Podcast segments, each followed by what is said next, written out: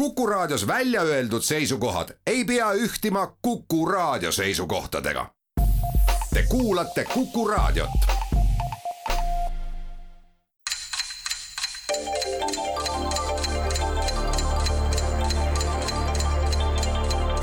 tarkade klubi targemaid küsijaid toetab lisateadmistega Postimehe raamatukirjastus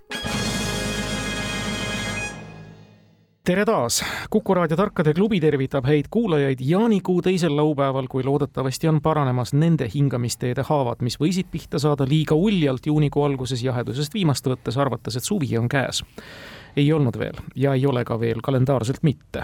mis sest, et jaaniussikeste laternad sõnajalgade jalamitel siravad juba kui tugevamad kahesajavatised lambid ning mustrastaste öiste õiendamiste helid on tõusnud juba üle üheksakümne detsibelli. Need on tähelepanekud, mida tõele au andes ikka rohkem tähele paneme kui uudiseid kellegi arvamuse kohta abieluvõrdsuse või sardiiniralli olude kohta, sest need on tulevad ja mööduvad uudised, suvi on ikka veidi pikem nähtus, millele antud ka teatud regulaarsuses korduda mälumäng ja selles sisalduvad küsimused on ka säänse iseloomuga, et üldiselt need küsimused tulevad, elavad veidi oma elu ja siis lähevad. aga neilgi küsimustel on aeg-ajalt antud voli korduda ja seejärel tulenevalt vastaja mälust kas siis rõõmu või piinlikkust pakkuda mm. -hmm hea meel on tänase suvehakatuse stuudiotes tervitada seekordseid Tarkade klubi osalisi, kellede seas on ka debütant. mitte küll Tartu stuudios, kus tervitame ühena mängijatest head juuratudengit, mälumängu ja malesõpra Karmen Viikmad. tere, tere! ja Karmeni paarilisena selle saate ühte oodatuimat külalist. müütiliste Püütease ja Alladrissi tegusid tänases Eestis jätkavad ja täiendavad Tartu Ülikooli geograafia kaasprofessorid, kelle esivanemad võisid, aga ei pruukinud juba mainitud Püüteas tema tuuleotsingutel ka kohata. Taavi Paed. tere! Tallinna stuudios on aga hea meel debütandina tervitada Postimehe kultuuriajakirjanikku ja kriitikut ning ennast võrdselt hästi nii usundiloos kui filosoofias tundvat Tuuli Põhjakat. tere! Ja tuulipaarilisena ta siia saatesse kenasti lõiminud Postimehe teaduskülgede pealikku, materjaliteadlast, lemmikloomade nümfi, omaaegset süsteemitopoloogi ja hobikarikaturisti Marek Strandbergi. tervist! hea meel, et olete meiega ja eriti hea meel on sellest, et väga lai teadmiste skaala on tänases Tarkade klubis esindatud. me panime ja paneme teid proovile niisiis kümne küsimusega, mis mahuvad täna järgmiste teemade alla. Slava Ukraini, geograafia, kultuur, sport ja Vaaria. küsimuste autorid on täna Kivimäe kooli ajaloo ja ühiskonnaõpetuse õpetaja Margus Pillau, Vikipeedia administraator Taivo Rist ja edevaks jääda sooviv kuulaja Valeri Küpsis. alustame ja anname avavaliku õiguse Tartu stuudiole Karmen ja Taavi, palun mulle tundus, et vastased olid väga elevil. me olime elevil, eriti Ärme mina spordi teemal. jätame neile. või, või, või vastupidi siis äkki spordist aga lähme spordiga, mis kas lähme? Marek nii tahtis ise saada. nii, Marek ei oska, Marek ei oska seda just. Ta... see on valdkond, millest ma tuhkagi ei tea väga hea ja hakkame siis tuhka raputama praegu. Taivo Risti küsimus muide. Jüriöö jooks on Eestis igal aastal jüripäeva paiku toimuv öine teate orienteerumisvõistlus. aastast tuhat üheksasada kaheksakümmend üks peeti seda esmakordselt Hiiumaal ja võistluse võitis Tartu ehitusmaterjalide tehase esindusvõistkond kes jooksis Tartu ehitusmaterjalide tehase eest viimast vahetust, kõlab küsimus. Te olete kõik teda näinud ja kuulnud, ta sai tuntuks läbi spordi, aga mitte orienteerujana. eluaastad tuhat üheksasada viiskümmend kuni kaks tuhat seitseteist. ohohoo, mina tunnistan, et ma käin orienteerumas. Jüri jooksul ma pole käinud küll kordagi, aga see on niisugune klassikaline küsimus, vähemalt esmapilgult tundub ju, või selle Timo ütles ära, et ta ei, tuntuks ei saanud aa, oot-oot-oot. küll sportlane, aga mitte. tead, ma, ma arvan, et äkki ikkagi klapib, kas selline inimene nagu Lembitu Kuuse. peaaegu et välk vastus, kõik õige, see on armastatud telereporter, suur orienteerumise ja kestvusalade entusiast Lembitu Kuuse. no loomulikult polnud ala, kus ta ei olnud entusiast, kui ta endale selle ala selgeks tegi ja televiisoris ka kõigile teistele. suurepärane algus, tasus sporti valida alustuseks. Marek oleks ka teadnud. mina ei oleks teadnud, aga Tuuli, Tuuli näost oli näha, et ta teadis, nii et selles mõttes me oleme täiesti heas vormis just nimelt selle spordiküsimusega, aga teine spordiküsimus ilmselt ei ole sama. teema valik. mis me valime? võtame vaaria rahulikult või kultuuri? no proovime vaariat, ma arvan ja niisiis, Ungari katoliiklastest usklike jaoks aga samuti selle maa patriootide jaoks rahva hulgas laiemalt on tähtis või isegi peamine reliikvia Zant Job mida see endast täpsemalt kujutab. tahame me kõigepealt teada, Ungaris muide tegutseb ka partei Jobbik, millele vastavas täpses tõlkes nimega erakond on ka meil Eestis täiesti olemas ning alles sellegi äravastamine annaks teile esimese küsitud elemendi eelneva täppimineku korral täispunkti põhiküsimus on, mis asi on Saint Job, mida ta endast täpselt kujutab, mis on siis Ungari katoliiklaste peamine reliikvia ja Ungari partei Jobbik mis on siis vastavas täpses tõlkes nimega erakond, on ka meie Eestis täiesti olemas, meil Eestis no,. tegemist on täitsa sugulaskeelega, mida peaksime briljantselt valdama, siis või äh, väga labaselt öelda, siis püha töö, aga ma ei usu, kas tööerakond Eestis on olemas, kas joob võib tähendada tööd? aga kui mõelda sellele, et meil peaks olema sama, kas see oli või on sama nimega erakond? täpselt sama nimega on kas see ei või siis olla mingi Isamaa näiteks, mis erakonnad meil veel on? no mitmesuguseid on Keskerakond, et kas ungarlased küsida, et kus te tahate seista, ta ütleb žop keskel, ma ei tea. Ungarit arvesse võttes võib see vabalt olla ka konservatiivsus püha konservatiivsus. religiooni vallas olen täitsa võhik, et ma ei teagi, kas reliikviad on pelgalt äh, siis objektid või ka mingid seisundid või asjad, pole aimugi muideks. et kui me mõtleme, et see on jopp, et noh, püha töö, ma ei ole isegi kuulnud, et mingisugune püha töö oleks olnud, mis võib olla nii-öelda püha või jumala töö, mis see siis on, opus dei või ma ei usu, et meil ei ole ju jumala erakonda või, või püha erakonda või, või tööerakonda, tööerakond. kas niisugune on olemas? Okei okay,, no nuputame veel siis. kas äh, reliikviad on objektid? ma ei ole kindel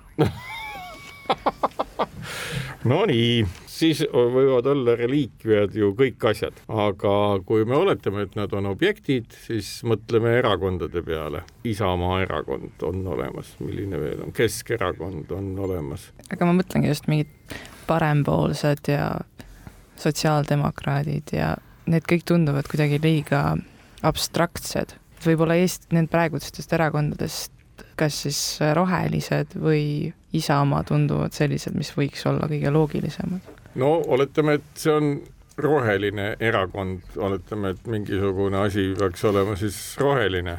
no see on nüüd küll küsimus nagu täiesti sellise nii krüptiline, et ma ei oskagi isegi kuskilt nagu kangutada ungarlaste jaoks ka katoliik, ma ei, millised on üldse katoliiklikud nii-öelda reliikviad, Jeesuse kont või? ja mingid esipü-, esipühakute jah, luud näiteks ja mingid sellised asjad. Vot see on see üleolev suhtumine religiooni ja ükskõiksus kõikvõimalike reliikviate suhtes.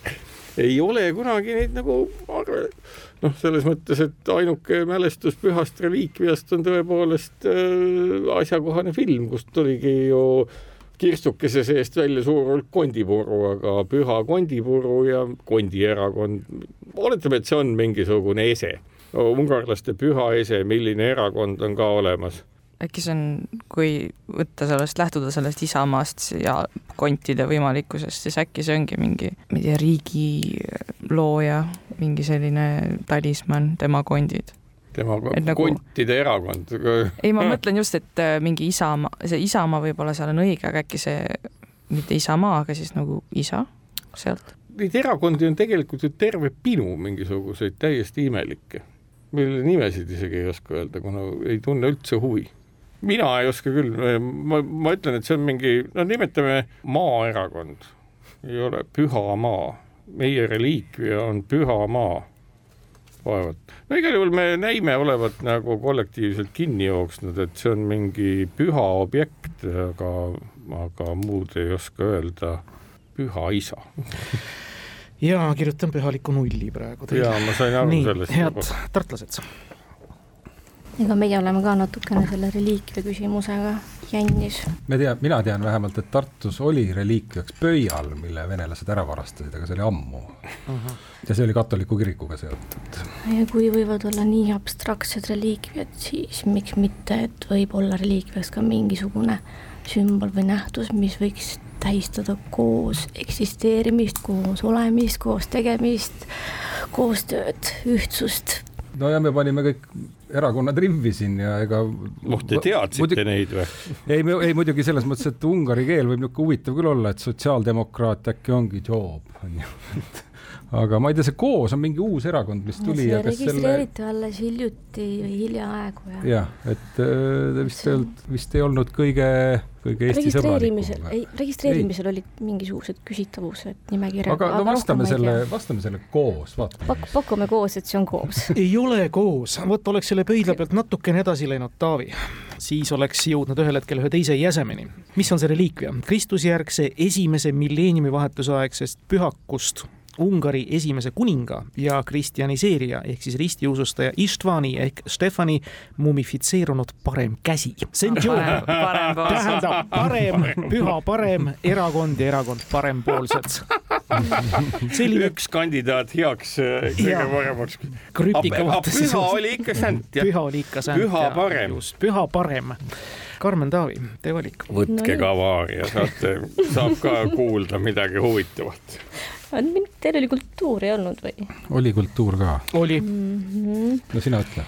võtame Vaaria. Vaaria, teine Vaaria. teine Vaaria küsimus Gekod on enamasti troopikas, aga ka mujal mitmekesistes elupaikades elutsevad sisalikud, keda tihti ka ristsõnades küsitakse. Sarnaselt paljude teiste sisalikuliste alamseltsi esindajatega leidub ka Gekko elutegevustes midagi eripärast, näiteks Gekko keelekasutus ja see on nüüd lahku kirjutatuna. Gekko kasutab keelt millekski ja tegevuses, mis muide inimeste maailmas sai patendi aastal tuhat üheksasada kolm. Ja seda tänu tähelepaneliku ning nutika reisija Mary Andersoni New Yorgis saadud kogemustele mille kohta me küsime ja milleks või millena kasutab Gekko oma keelt, kui Mary Andersoni ja talle antud patendi peale mõtleme? Marek teab. jah, muidugi, aga meie, aga aga ma ei no, ütle teile. see jah. ma kardan ka. jah, ja järelikult me peame ära vastama selle siis no me peame ära ja kui Marek jah? teab, siis peame ju meie siis ka teadma. me peame ära vastama selle. muidugi, see on väga loogiline. aga miks mul esimene mõte läks, et noh, milles me kasutame, me kasutame postmargi puhul keelt nagu, et, et äkki see, kes iganes Mary Anderson. jaa, see on hea pakkumine. aga, aga no ma ei, ma ei tea, Gekot mina olen näinud, need on nagu kuskil troopikas ronivad edasi ja tagasi ja aga äkki nad ka siis midagi, noh, ma ei tea, keelega midagi. ilmselt nad eritavad ja mingisugust sellist nakkuvat ainet et midagi. aga jah, see võib olla hea pakkumine küll. Et postmark on kindlasti vanem, aga et äkki ühel hetkel keegi. just see kleepimise variant. Mm -hmm. no aga vastame selle. vastame siis. selle no,. ilus, ah, ilus vale vastus, kahjuks. No, ja Marek, tahtsid sama pakkuda või? või ma, ma ei tea seda ma, ma pean mõtlema kekode peale, ma pean hakkama mõtlema, meil on. aga Tuuli äkki teab ma ei tea, aga ma, kui ma, minu esimene mõte oli midagi sellist, mis on, noh, Kekol käib ju keel niimoodi kuidagi. tal käib keel üle silma. jah yeah. Aga mis asja Meeri. kojamehed autokojamehed. õige, see on õige vastus. autokojamehed on need, mille peale Mary Anderson tuli ja Gekko puhastab oma silmi keelega, omaenda keelega. no vot, kahe peale tulime, minul no, tuli meelde, mida Gekko teeb. meil oli kõigil meeles auto. autoklaasid no, ja võt, Mary Anderson. teadvus eksisteerib sest, kuskil vahel. Mary Anderson tuhande üheksasaja kolmandal aastal reisis New Yorgis lumeturmis autoga ja pidi täheldama iga natukese aja tagant auto kinnipidamist, et juht saaks välja minna, esiklaasi puhastada harjaga pärast peale sadanud lumest ja siis ta tuli selle mõtte peale, et seda võiks ka sees teha teatud vahenditega.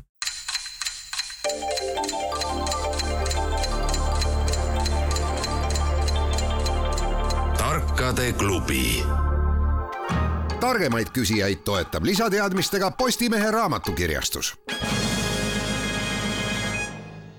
üks-üks, Keko ja tema silma puhastamine toob viigi majja. Teie valite, Marek, Tuuli. ma ikkagi loodaks väga selle su kultuurivõimekuse no, peale. proovime kultuuri. nii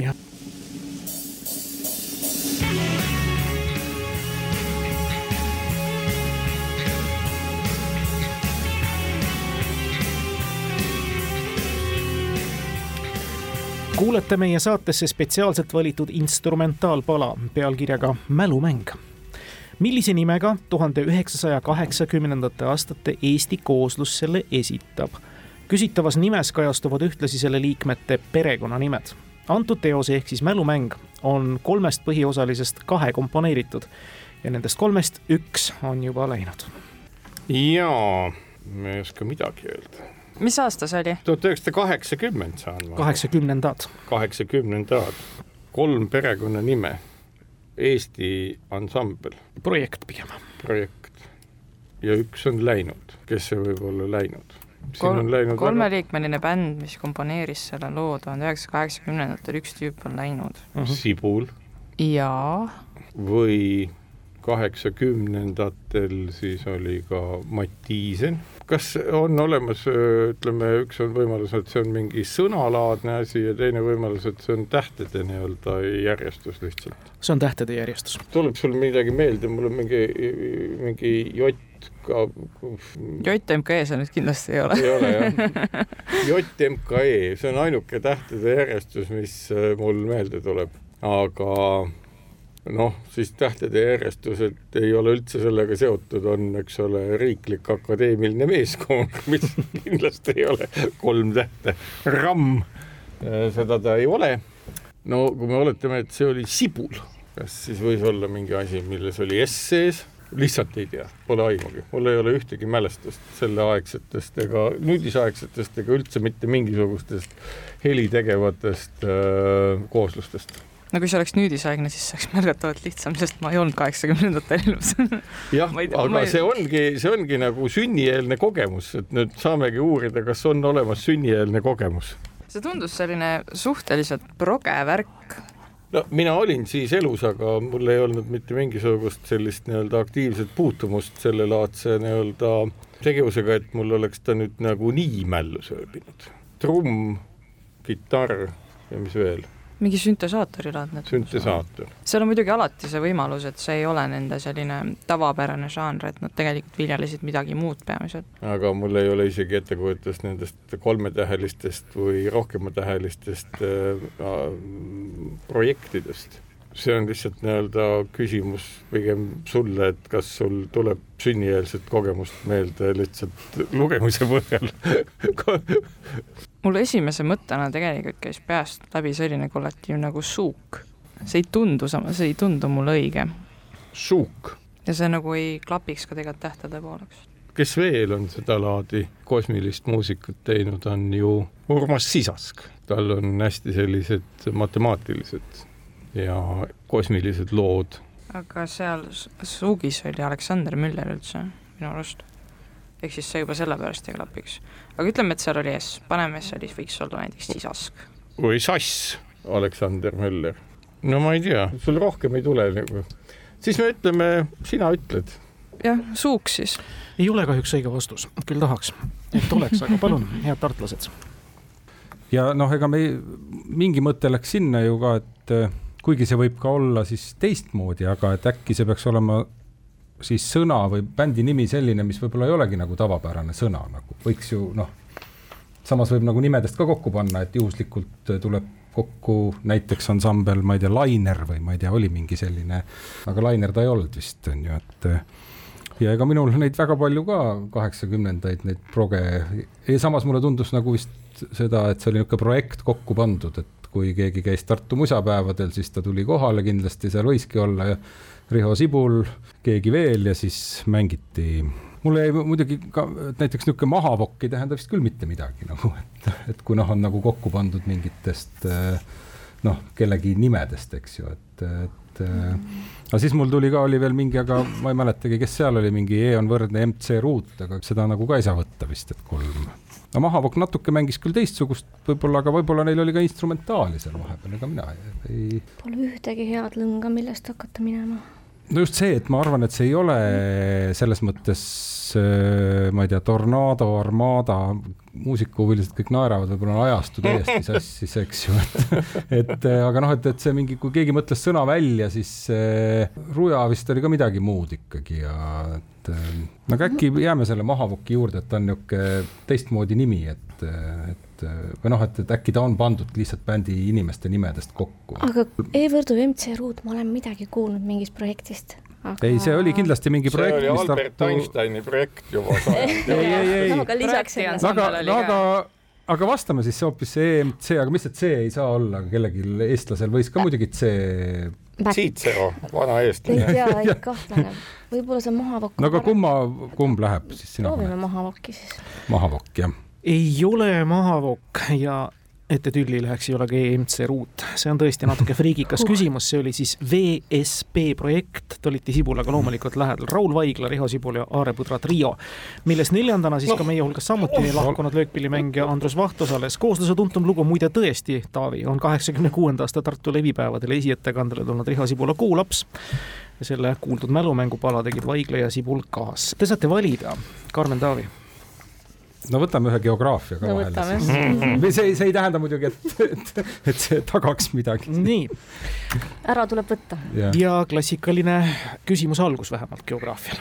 ligi nelja ja poole kilomeetri kõrgune Matterhorn ehk Cervino on meiegi tublide alpinistide poolt korduvalt alistatud, tegelikult ohtlik ja sadades ohvreid nõudnud ilmselgelt püramiidi meenutav mägi, mis paikneb Šveitsi ja Itaalia piiril oma mainitud välise vormiga on see hirmu ja aukartust äratav loodusobjekt ka otseselt ühe konkreetse toiduainetööstuse valdkonnas teatud firma toote kuju inspireerinud. selline on üldlevinud ja loogiline arvamus. vastav toode aastast tuhat üheksasada kaheksa tänapäeva Eestiski lettidel pidevalt müügil. ainult hääldatakse seda ekslikult itaaliapäraselt, õige oleks prantsusepäraselt. millise ettevõtte, milline toode? Ootame nüüd arutelu või välkvastust. äkki isegi üks filmikompanii logo on saanud sealt inspiratsiooni? ju ikka on või? võib-olla on jah, aga aga no meil see välk ikkagi tuli mõlemal ikkagi siia paberi peale ikkagi, aga see vast on õige, välkvastustega muidugi alati on niisugune kartus, et äkki on, aga no ütle sina siis. kui peaks prantsuskeelse hääldusega proovima, siis ma ei tea Öelge itaaliakeelne, ükskõik. Toblerone. õige, Tobleroni šokolaad sai nime siis ettevõtte šveitslasest isast ja pojast omanike ja arendajate Toblerite järgi. õige hääldus oleks siis mitte Toblerone, vaid prantsuse-päraselt ehk Tobleron nõnda nagu näiteks Macron või siis muud vähemalt oma nime järgi prantsuse stiilist inspireeritud maiustused, suurepärane teadmise. no geograaf pluss magusasõber või vastupidi, ikka mõtlevad asja välja.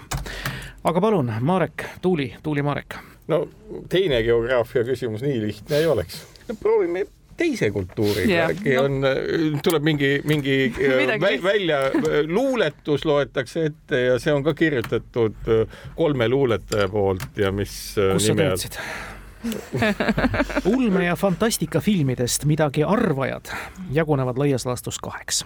kas väga fännatakse või ütleme pehmemalt ei arvata nendest midagi aga loomulikult on ulme- ja fantastikafilmide ja ka kirjutiste austajaskond üle ilma suur ja monoliitne, nõnda ka muide Venemaal, kus vastava valdkonna kirjandus ja filmindus on väga sügavate traditsioonidega. tuhande üheksasaja üheksakümne üheksandal aastal kogunes Peterburis Venemaa ulme- ja fantastikasõprade neljas kongress, mis otsustas välja andma hakata uut preemiat, elutöö preemiat nimetusega Legenda kinofantastiki milline film valiti tol samal kongressil selle preemia esimeseks laureaadiks. tolles filmis mängis peaosa Leedu kinolegend Donatas Banionis ja kandev roll oli filmis kanda ka meie Jüri Järvetil. seda ma tean olen seda filmi näinud, Solaris. õige, Solaris Andrei Tarkovski kultusfilm aastast tuhat üheksasada seitsekümmend kaks, üks vähestest muide, kus peaosa ei mänginudki Tarkovski ihunäitleja Anatoli Solonitsõn, vaid seesama mainitud leedulane oh! kultuuriga läks hästi. Väga kultuurselt, laseme edasi, kaks-kaks pärast kuut küsimust Tallinn-Tartu ja nüüd, kui on jäänud kolme teema vahel valida küsimusi, siis Karmen Taavi. Te peate ikka geograafia võtma. Ukraina? Ah,, üks geograafia ka. aga võtke Ukraina ikkagi, siis läheb nagu noh. no võtame Ukraina siis, ja nii, Ukraina küsimus. Konkreetne, millega on Ukraina ajalukku läinud aastatel tuhat kuussada kolmkümmend kolm kuni tuhat seitsesada kolm elanud prantslane Guillaume Sanson tegemist oli mehega, kes oma isa algatatud teatud konkreetse tegevusalaga ettevõttega jätkas ja tegi seda edukalt. meid huvitav asjaolu sai teoks aastal tuhat kuussada kuuskümmend viis ja hiljuti, veidi rohkem kui kaks nädalat tagasi, tõusis see aktuaalsete Ukraina teemadega seoses korraks ka üleüldise tähelepanu keskpunkti. ohoh, Sanson, keegi prantslane läks äh Ukraina aladele ja tegi mingi asja, mingi tehase. kunagi me siin vist vastasime, et äh, jalgrattaid valmistati kuskil, aga see ei ole see, ma arvan. esimesena pähe lööb äkki mingi Odessa šampus või kas selline asi ei ole olemas või? Timo praegu täpsustas, et tegevusala. no Mis... tegevusala ongi, ma ei tea, vahuveini tootmine või? äkki me oma ettevõtluse paneme liiga kitsaks. aga mis ta veel võis läks äh, ja kaks nädalat tagasi kerkis see meil korraks päeva et äkki keegi, äkki keegi pommitas midagi, aga Kiiev, see on seitseteist sajand, tuhat kuussada kuuskümmend viis, et kas see, need igasugused Aserbaidžaan, Armeenia konjak ja need on kõik hilisemad asjad nagu natuke, ma mõtlesin, et kas sinna prantslane läks, läks Ukrainasse. no mis, mis küsimus ki... on siis, et mis ettevõtmisega on tegemist? millega on no, siis Ukraina ajalukku läinud? Ukraina ajalukku ja tegelikult ei ole öeldud, et üldse ettevõtmine vist. ei ole jah jah, mine sa tea, äkki on hoopis mingi, ma ei tea, kust need lipuvärvid tulevad või kõik sellised asjad. värvitööstus. värvi see on tegelikult ikka päris kauge aeg, et see ei ole mingi mm, -hmm. ma ei mhm. tea, Katariinagi on alles, see on enne Peetritki ju nagu, et ma ei tea üldse, mis seal alal sellel alal täpselt oli. ei, see šampus mulle, mulle tundub, et Odessa šampus ta küll ei, see on nagu hilisem asi mingi, aga see on vähemalt mingi konkreetne vastus, aga ma arvan, et ei, see on vale. mingi tehnika arenguga seonduvalt. ei no väga tüüpiline on ka, et mingit noh, et Krimmi mindi, noh, et midagi tehti Krimmis ka nagu noh, et ma ei tea, Krimm on kogu aeg olnud selline koht, kuhu on igas, igasuguseid võinud sattuda. Ikkagi tööstuse tehnika areng. või siis Kiiev ikkagi, aga mis seal Kiievis? praegu on küll selline, et ma ei oska kuskilt maavaradest mida, midagi hakati kivisütt nii varakult ei kaevandatud minu meelest ka. aga mis meil paari nädala eest võis olla siin vastupeale tungi ootuses või juba võib-olla käimasoleva vastupealetungi? äkki oli ka mingi tehnika küsimus? Et, et mingid äh, raudtee arenguga seonduvalt. kas need olnud, kas ei olnud ka mingi delfiinid ja luure delfiinidega või mingi oli ka mingi hiljuti kuskil jällegi tuli, alati räägitakse, et delfiinid seal kuidagi on ka sõjas osalevad või aga seda ikkagi võtta jälle, et seitseteist sajand keegi. jah, allveelaev. raudteega seonduvalt. raudtee on ka hilisem kõik. kas on? jaa, ikka on, ma ei tea, ikkagi väga keeruline no aga las piinleb Tallinn, me ei oska ka midagi. ei ole. Neil on juba, neil on ei, ei, ei, nad ei tea, nad ei tea, usu mind. no midagi ikka pakume. no aga ütleme selle šampuse ja las siis Tall-, kuula, usu mind, Tallinn piinleb sellega. lustlik vastus, šampus ei ole õige vastus. nii. see, see on hästi selline, Tuulil oli kohe nii-öelda. minu esimene pakkumine oli jah, midagi muusikaga seotud, sellepärast et oli alles Eurovisioon Eurovisioon oli ju tänavu niimoodi, et see toimus küll Liverpoolis, aga kuna Ukraina oli eelmise aasta võitja, siis oli see niisugune kokkumäng Ukraina ja Ühendkuningriikide vahel. meid tüssab ära tõenäoliselt tema see perekonnanimi. ma jah, kardan ja. ka seda. aga ne... samas Ukraina ja Kiiev olid sel ajal ikkagi niisugune kultuurikeskus ajalooliselt. tuhat kuussada kopp. mis veel toimus äh, Ukrainaga seoses? Äh, paar nädalat paar tagasi. nädalat tagasi, jah. millest ju räägitakse? vastupealetung, alade tagasivõitmine. Eurovisioon. Eurovisioon ei ole kahe nädala vanune, see on nagu ikka kuu aja vanune. ei ole millal oli Eurovisioon? kaksteist äh, mai vist hakkas. ma mõtlen, mis ta siis võis teha, et äh, Ukraina laulude noote trükkis, aga noodid on noh, oletame, et see on üks asi, aga kuna kogu aeg on jahutud sellest ju vastupealetungist, eks ole, see on nagu selles mõttes nii-öelda Ukraina küsimus, et see on nagu kesksel kohal ma ei tea, no mis asjad on nagu vastupealetungi mõttes strateegilised, noh, mida saab teha, no mingi püssirohtu, noh kas me teame midagi? Kuulsast Prantsuse püssirohutootjast äh, Guillaume Sassonist? aa, mis püssirohid, Sassooni püssirohi, see on, ega ei ole kuulnud midagi, noh, ma mõtlen, noh, mis see veel võib olla, fantaseerime, noh. Äkki see on mingi korjandus või? ei, esimene annetuste kogu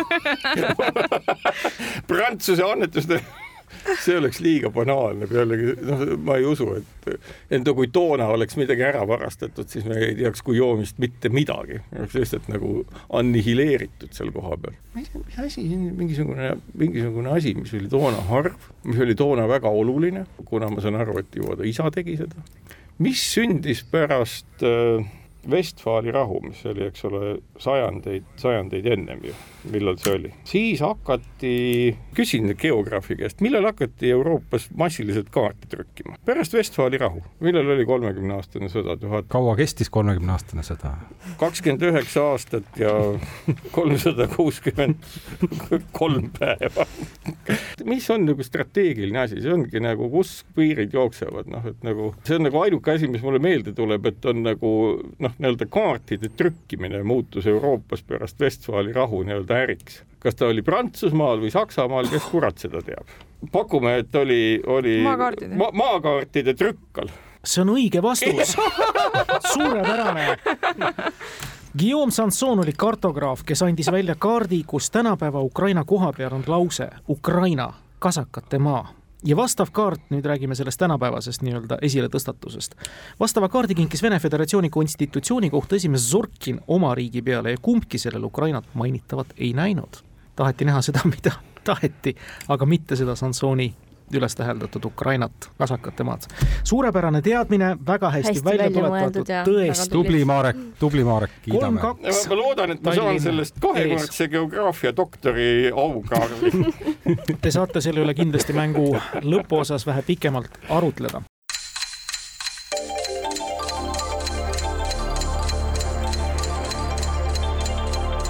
tarkade klubi targemaid küsijaid toetab lisateadmistega Postimehe raamatukirjastus.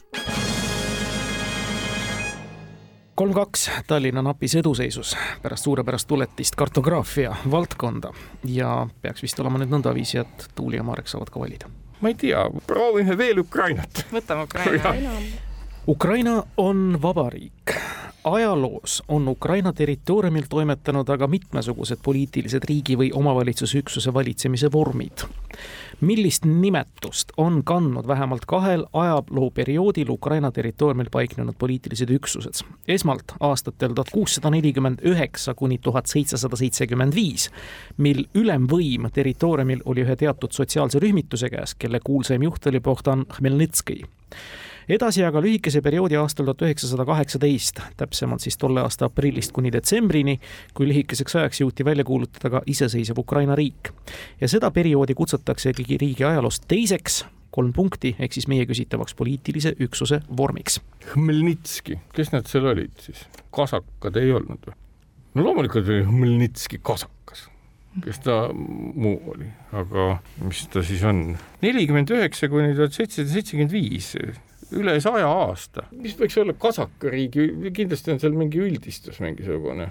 no vot, see on nüüd nagu niisugune ehe Bahovski küsimus. kas äh,, mis seal olid, mingid vürstkonnad olid mingi hetk? no kindlasti olid seal igasugu vürstid, aga tuhat kuussada nelikümmend üheksa, seitsekümmend viis, et see oli niisugune ikkagi pärast tuli sinna, kes see iganes see võimukandja oli, et tõenäoliselt venelased tegid seal jälle nii-öelda ma arvan, et see võiski olla kasakariik selles mõttes, et äh, ma hakkan mõtlema, et hoholl, et äh, hahlaaks nimetatakse seda ühes varasemas mälumängus, siin oli vot see tutt, mis neil peas on, selle tõttu neid hohollideks nimetatakse, vaevalt, et oli hoholliriik, kasakariik ütleme. Tartu. ahah, vale või on Pigem õige ja küsitakse teilt ka, et saame mitu punkti äkki? pigem oli see Timol, vahest ta teeb sellise häälega, et et eh, ta ei taha veel päris punkti nagu ära anda, vaid eh, kuulab ka Tartu ära ja siis hakkab punkte jagama. täpselt. täpsusta ka muidugi. jah, oota, mis, mis see Tallinn ütles, kasakariik või? see on meil ka kirjas, eks ju, kindlasti kus kunagi on mingid alad olnud ka mingi ma ei tea, Krimmi kaaniriik ja seal oli võib-olla neid kaaniriike rohkemgi, aga tuhat üheksasada kaheksateist ei olnud kindlasti kaaniriik eh, see. no eks nad seal kaheksateist, nad tegid vast ikka kõik nagu mingis mõttes vabariiki või? Äkki see oli Kasaka vabariik, et nagu sellepärast, äh, et see sõna kasaka. ma ei tea, Timo ei ütle midagi. ei, Timo, ei näe, me ei näe ta nägu ka. ei, me võime kinnitada, et tal polegi nägu praegu jah korra mul tuli mingi sõna, aga ma, ma arvan, et ma panen täitsa muud, mingi šlahta, aga see on mingi, vist midagi muud ikkagi, aga kui teie ütlesite kasakariik, siis äkki oli Kasaka vabariik ja see oli see, et taheti, ütleme meie siis äh, Kasaka vabariik. ma annan pooleks punkti. Kasaka riik on nii-öelda juriidiliselt õige, tal on ka oma nimetus. kasakaid valitses teadapoolest hetman, kelleks Bogdan Hmelnitski oli ja seda riiki kutsuti hetmanaadiks hetmanaat, Ukraina hetmanaat ka tuhat üheksasada kaheksateist moodustati ja seda perioodi tuntakse teise hetmanaadi nime all. pool punkti yeah. kummagile ja see on aus mäng. kaks pool Tartu, kolm pool Tallinn. Te aimasite ära, te aimasite telepaatiliselt ära, mis Jaa, toimub. Me meie isegi siin kohapeal vaatasime, et mökk-mökk, mis nüüd sai. me no, tunneme Timot. ma tean. Karmen ja Taavi, sporti või geograafiat oi,? oi-oi-oi, niisugune mõlemat tahaks. või lähme spordi peale. Lähme spordi peale. Geograafiaga eksivad, siis me saame mõelda. spordispets Valeri Küpsis küsib.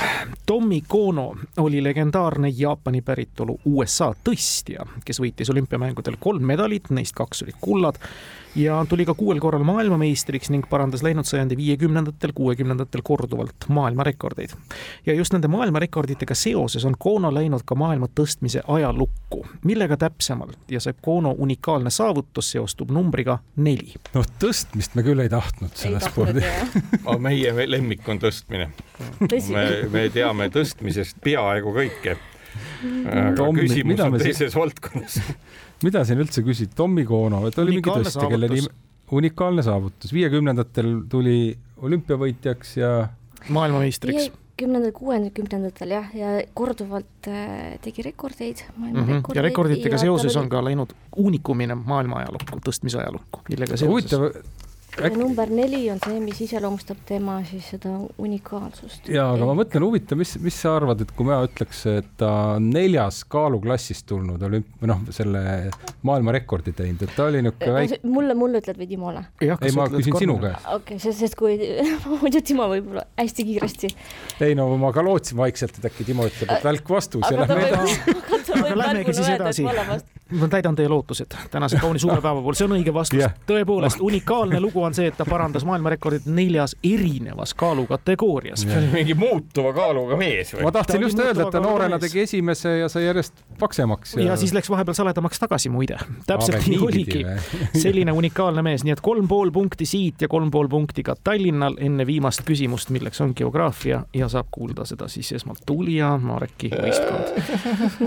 see oli meie kavalus nüüd, et teie eksite ja siis me paneme oh, ilusa. Teid küll, ega me teiega rohkem mängida enam ei taha selliste salakavalate tartlastega, ütlen ma ausalt. Taivo Risti küsimus ja konkreetne lugu ja ta küsib, millises riigis selline lugu juhtus. riigi suurim linn kannab riigi endaga sama nime ja aastal tuhat üheksasada kuuskümmend üks oli see ka toona veel mitte iseseisva riigi pealinn aastal kuuskümmend üks tabas aga orkaan Häti pealinna sellise jõuga, et hukkus kolmsada üheksateist inimest ja üle kümne tuhande jäi koduta. Ja pealinn otsustati viia rannikult turvalisemasse kohta sisemaale. Nõnda on siis Häti olnud ka ainus orkaan maailma ajaloos, mis on mõne riigi pealinna muutnud. Orkaanis kodu kaotanutele loodi telklinnak, mis sai nimeks muide Hätivill ja tänapäeval on ta nüüd arenenud omaette linnaks, nii et Häti on ühtlasi ka ainus orkaan, mille järgi on linn nimetatud. Tänaseks on see riik iseseisev ja selle suurim linn kannab endiselt riigiga sama nime, aga see ei ole enam pealinn. tegemist on ka riigiga, millel ainsana on lipul kujutatud mahagonipuud. no vot, saite nüüd saime jah. mida me saime, mis riik see on siis, kui ja. sa tead? ütle siis välja loomulikult, et me saaks õige vastuse öelda, mitte. annad Tartule niimoodi võidu ära? ei, ei anna, ei anna, ma hakkan mõtlema, Mahakon. kus see Mahakon võiks olla ja kus orkaanid üldse võiksid olla? igas ookeanis, Vaikses ja, ja, ja Atlandi ookeanis. minu mõte liikus äh, Lõuna-Ameerika suunal. jah see on küll koht, kus on orkaane, aga mis seal siis, pigem idarannik, eks ole, aga mis riigid seal kuuekümnendatel aastatel nagu iseseisvusid, pole aimugi. Tšiili? Tšiili oli ikka varem olemas ja see on läänerannikul. Hativill. Haiti. Haiti. Nojah aga mis seal linnad on, ega mul ei tule ma ei tea seda. see on ka mulle täiesti hmm, noh, mis ongi ju linn, eks ole, on Singapur, see ongi üks suur linn, aga see ei ole enam pealinn, pole aimugi. aga mis on Singapuri pealinn?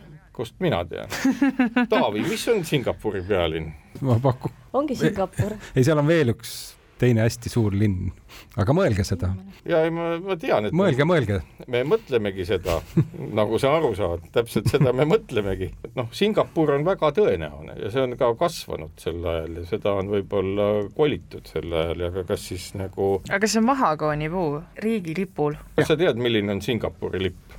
ei tea, mina ka ei tea noh, vot seal nüüd on see pae seal niimoodi hõljub ja teab kõike ja muigab meie teadmatuse üle, aga mida me oskame öelda, noh, Singapur tundub olevat nagu olude tõttu üsna lähedane ja, ja tõepoolest on seal igasugu ilmastikunähtusi sealkandis ka, nagu öeldud, Vaikne või Atlandi ookeaniga vahet pole. Singapuri kasv jääbki enam-vähem nagu sellesse perioodi, see piirkond, ma ei tea selle riigi ajaloost suurt tuhkagi, eks ole, et see on niisugune, vastame ära, et see on Singapur ei ole kahjuks Singapur õige vastus, mõned faktid olid täitsa täpsed, Singapuri lipp on punavalge, seal on pool kuu ja tähed kujutatud. no vot, see on nagu mahakonn. nagu mahakonn tundub, eks ole, jah. nii, aga palun, Tartu. oh pagan, ma lootsin, Marek ja ja Tallinn teie peale. et me teame õiget vastust, mille sa kohe ütled ei ütle, sellepärast et äh, eks me hakkame ka siin arutama, mahakonn ikkagi minu arust on äh, Lõuna-Ameerika või noh, ütleme Kesk-Ameerika, Ladina-Ameerika, mulle väga tundub, et see läheb sinna Kariibi mere saartesse, sellepärast et äh, kus ikka võiks olla niisugune orkaan, mis nagu tõesti hävitab midagi ja no ma ei tea, see muidugi vist seal Vaikse ookeani pool rohkem on vist taifuunid, et aga noh, see, see selleks, mõte jääb samaks, see on üks asi, et miks ma paneks ta kuskile Kariibi mere saartele. ja teine, millest ma natukene oli ja nüüd ma jään võib-olla oma keelega ikkagi, aga et see linn sai nimeks Hativille ja Ville oh, lõpp peaks olema prantsuse keel minu meelest. no Vill on ladinakeelsest hüvest tuleneb. Albert Vill, minu meelest hispaania keeles on linn äkki ikkagi midagi, miks mul see ciudad ja kuidagi. Prantsuse keeles on küll, aga noh, see tuleb ladina keelest jah, nii et. ja, ja no kõik tuleb ladina keelest või vene keelest.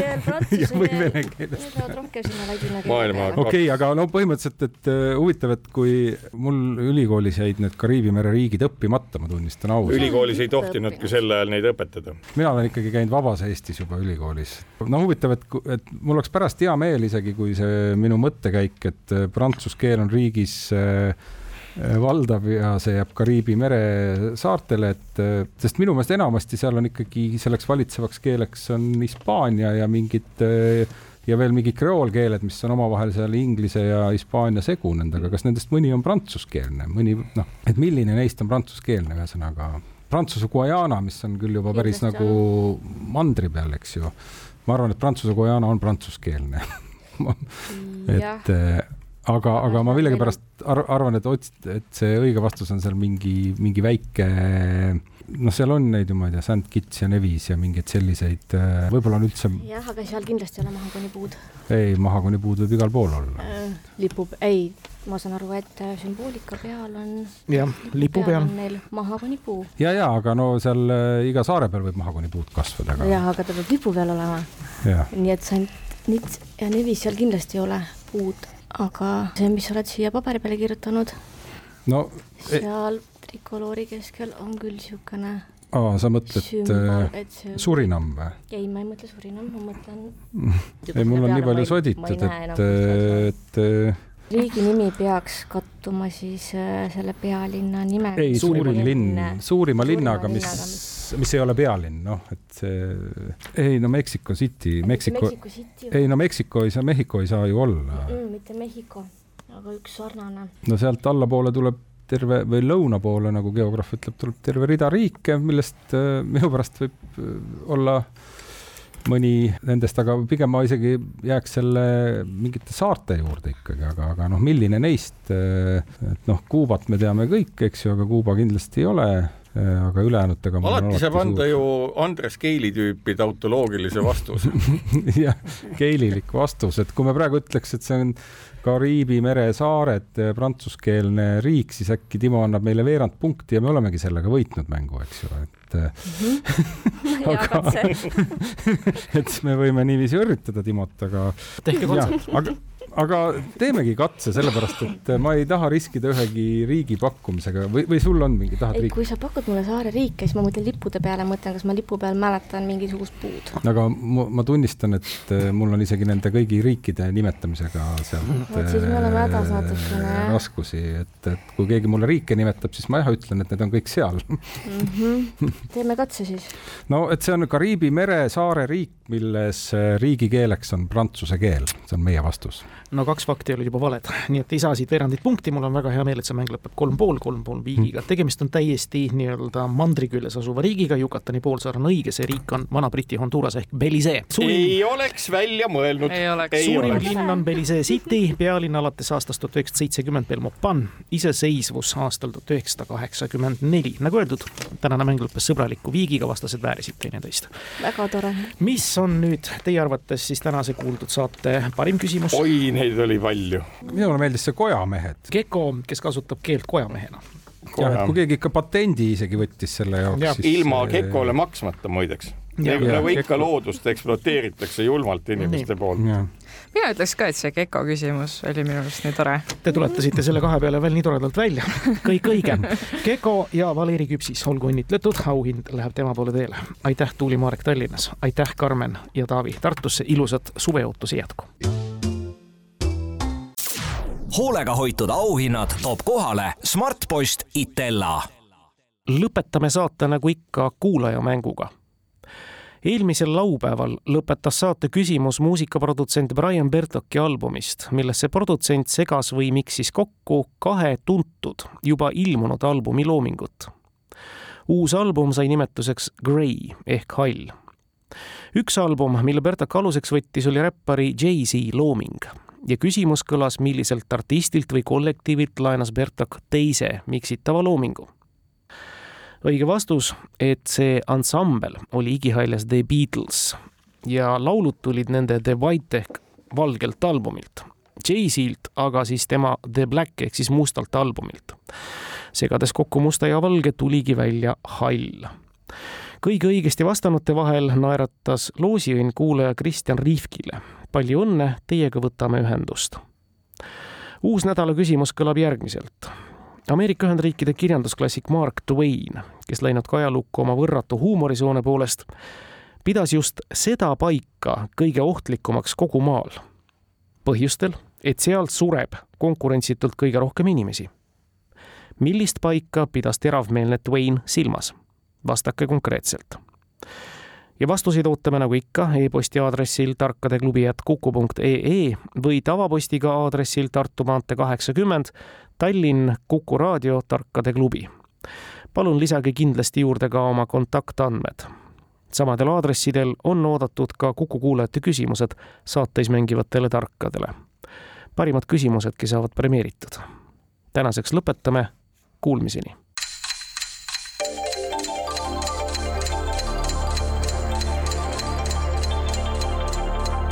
tarkade klubi. targemaid küsijaid toetab lisateadmistega Postimehe raamatukirjastus